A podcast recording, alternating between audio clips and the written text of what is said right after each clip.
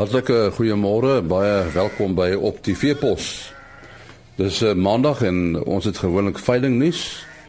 Daar's ook 'n gesprek met Corneille Mostert van Wirbeck oor bosluise in die herfs- en wintermaande. Dan praat ons met Dr. Hans Meisner en hy praat oor die projekte wat Melk Suid-Afrika mee besig is vanjaar. Ons uh, gaan nou gesels oor bosluisbeheer in die herfsmaande. En ons praat met eh, Corneille Mostert. Uh, sy is produkbestuurder by Wirbeck Diere Gesondheid. Hoekom is daar meer bosluise in die herfs? En ja, as ons gaan kyk na die bosluisseisoen, ehm um, die eerste bosluise is gewoonlik aktief van van die lente af, Oktober, November maand en veral met die blou bosluise kry ons dat die volgende bosluisgenerasie is dan meer aktief in die in die tweede helfte van die somer wat dan Februarie, Maart, April maand is. So dis al die bosluise wat eiertjie, weet van die bosluis eiers wat uitgebroei het van die eerste generasie wat dan 'n hoë lading het in die tweede helfte van die somer wat dan vir die boere dan 'n groter probleem veroorsaak.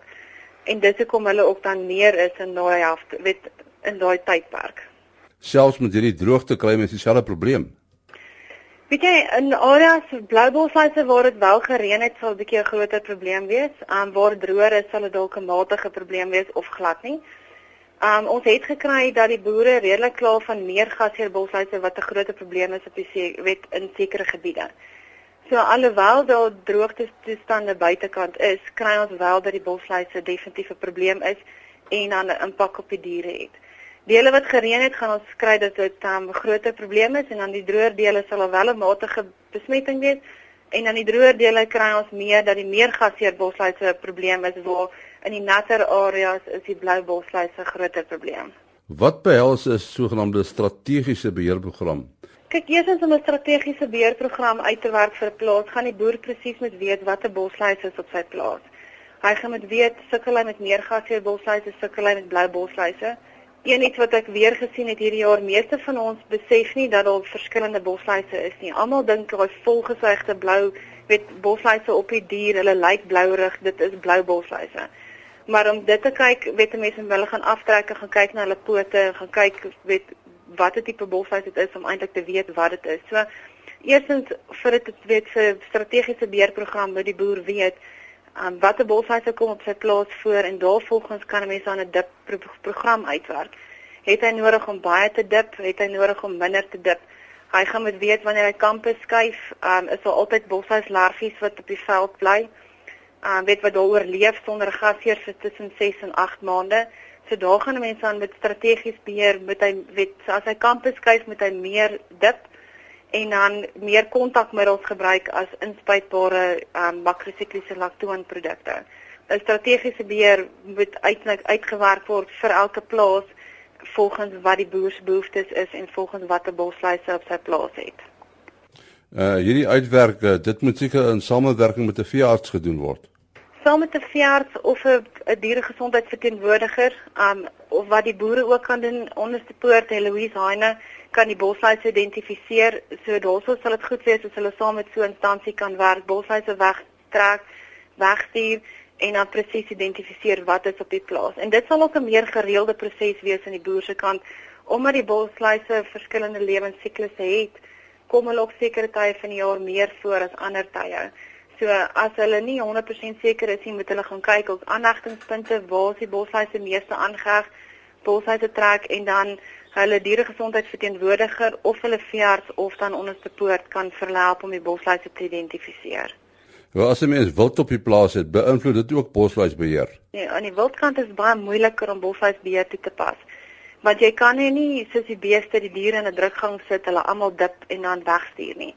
So aan die wildkant gebruik maak ons gebruik van diptoestelle soos 'n uh, Duncan applicator of 'n uh, Tikoff of 'n Gilliese dipbak wat die boere dan sekere tye dip uitsit en dan vir 'n dag of twee en dit dan uithaal en dan meer gereeld dit en maar net die diere wat by die bakke kom vreet kry van die dip in en ook omdat meeste van daai diptoestelle so gemaak dat hulle kry dip op maar dit is nie soos die 100% die regte veelheid wat op haar dier moet voorkom nie.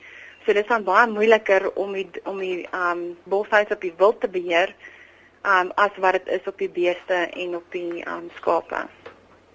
Wat is jou telefoonnommer, Corneille? 012 657 6000. Baie dankie uh, aan Corneil Moster, produkbestuurder by Wirbeck Dele Gesondheid. Net die nommer 012 657 6000 6000. En nou veilingnuus. Die 31ste Heuningkrans Merino produksie veiling vind op 16 Februarie plaas op Smithfield. 140 horing en poenskop ramme, 300 merino vroulike diere, 20 dormer ramme, 30 jong dormer ooe word opgeveil deur BKB sentraal. Op die 17de Februarie vind die Tigane Bonsmara produksieveiling plaas by die Ottosdal veilingskrale. 15 bulle 220 kommersiële vroulike diere word opgeveil deur die Noord-Kaap Lewende Hawe Vryburg. Die Boerbaas veiling van Lukas Burger Boerbokstoet, die Johanstraat Boerbokstoet van Rooidam en die Dorperstoet in Kasteelwit Dorperstoet vind plaas op die 17de Februarie by die Afridome in Parys.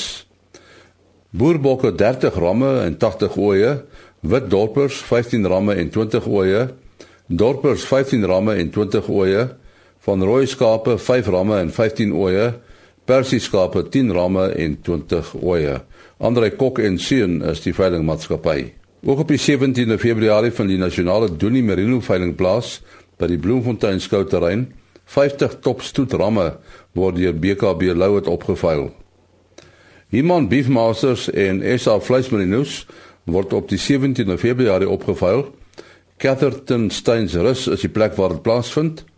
300 kommersiële dragtige ooe, 30 geregistreerde ramme, 60 dragtige stoetkoeie, 5 rocking beer bulle en die veilingmaatskappy is Vleis Sentraal Bethlehem. Sharmak Marinos hou op die 18de Februarie op Graafrenet 'n veiling.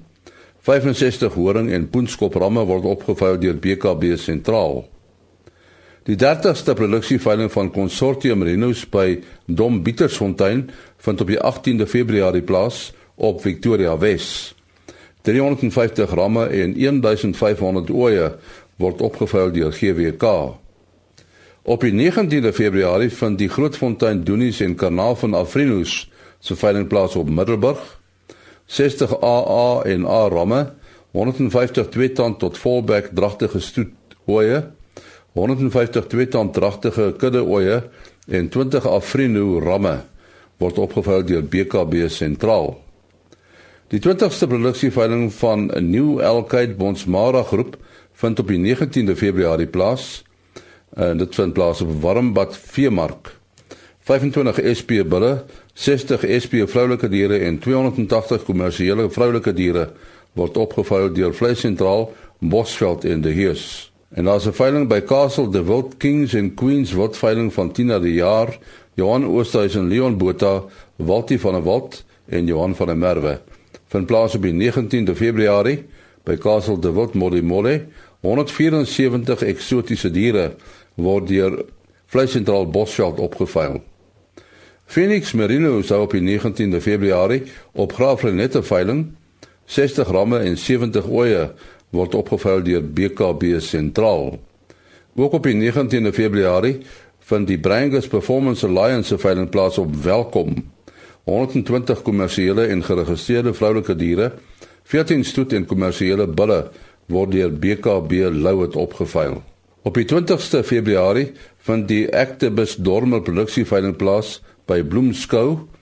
20 geregistreerde ramme, 50 dragtige stoet ooe 20 oop ooe gereed vir die ram word deur BKB Louet opgeveil. En daarmee die einde van veilingnuus. En nou stel ons vir Dr Hans Meisner aan die woord eh, en hy praat oor die projekte wat Melk Suid-Afrika mee besig is vanjaar. Uh die die uh, navorsingsprogram is tot 'n groot mate eintlik bepaal deur die deur die boere wat as prioriteite beskou word. En een van die belangrikste uh, aksies wat ons neem is uh, lewerslak wat 'n baie groot probleem is in die uh kusstreke waar weidingsgebaseerde uh suiwerbedryf uh stelsels is. En ons het 'n program wat uh wat baie mooi loop op die oomblik uh waarvan ons op twee maniere na kyk.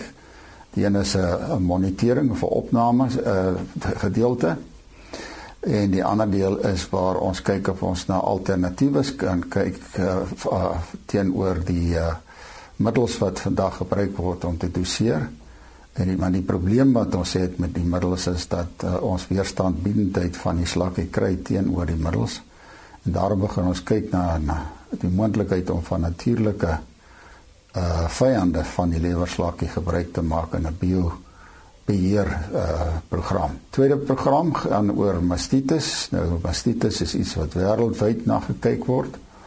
Elke land het sy eie soortigheid en daarom is dit belangrik dat ons uh, bly kyk na mastitis in terme van uh, wat dit uh, veroorsaak waar watter organismes is die belangrikste organismes so net soos in die geval van lewerslak het ons hier ook 'n moniteringsprogram of 'n totale opnameprogram te sien hoe beheer boere dit? Uh, wat is die probleme waarmee hulle sit? En dan andersins het ons ook hier die geweldige probleem van die moontlike weerstandbiedendheid wat die uh organismes tans teen die antibiotikums wat op die mark is uh toon. En kyk ons ook na 'n biokontroleprogram wat bestaan uit sogenaamde bakteriofage.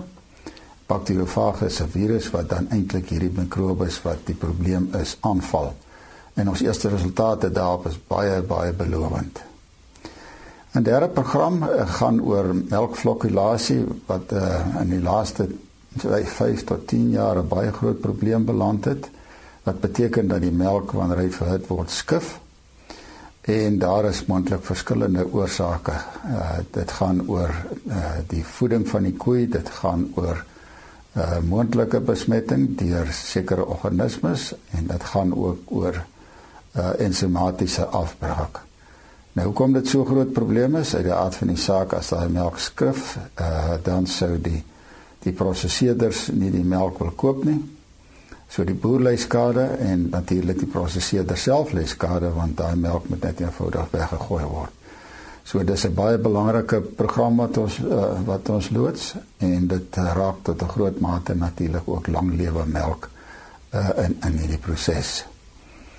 Dan het ons die nasionale program van monitering van uh siektes uh, uh wat deur uh, Dr. Dani Odendaal gedryf word en uh hierdie program dink ons moet ons uitbou na 'n nasionale program wat nie net die suiwelbedryf behels nie maar ook die rooi vleisbedryf en die wolbedryf. Onlangs waaroor ons baie op opgewonde is is 'n uh, program rondom uh genomiese evaluering van ons rasse uh genomiese evaluering beteken maar dat ons uh, van DNA tegnieke gebruik maak sodat ons dan die beraamde teelwaardes van ons diere kan op 'n op 'n baie meer akkurate grondslag uh, dryf.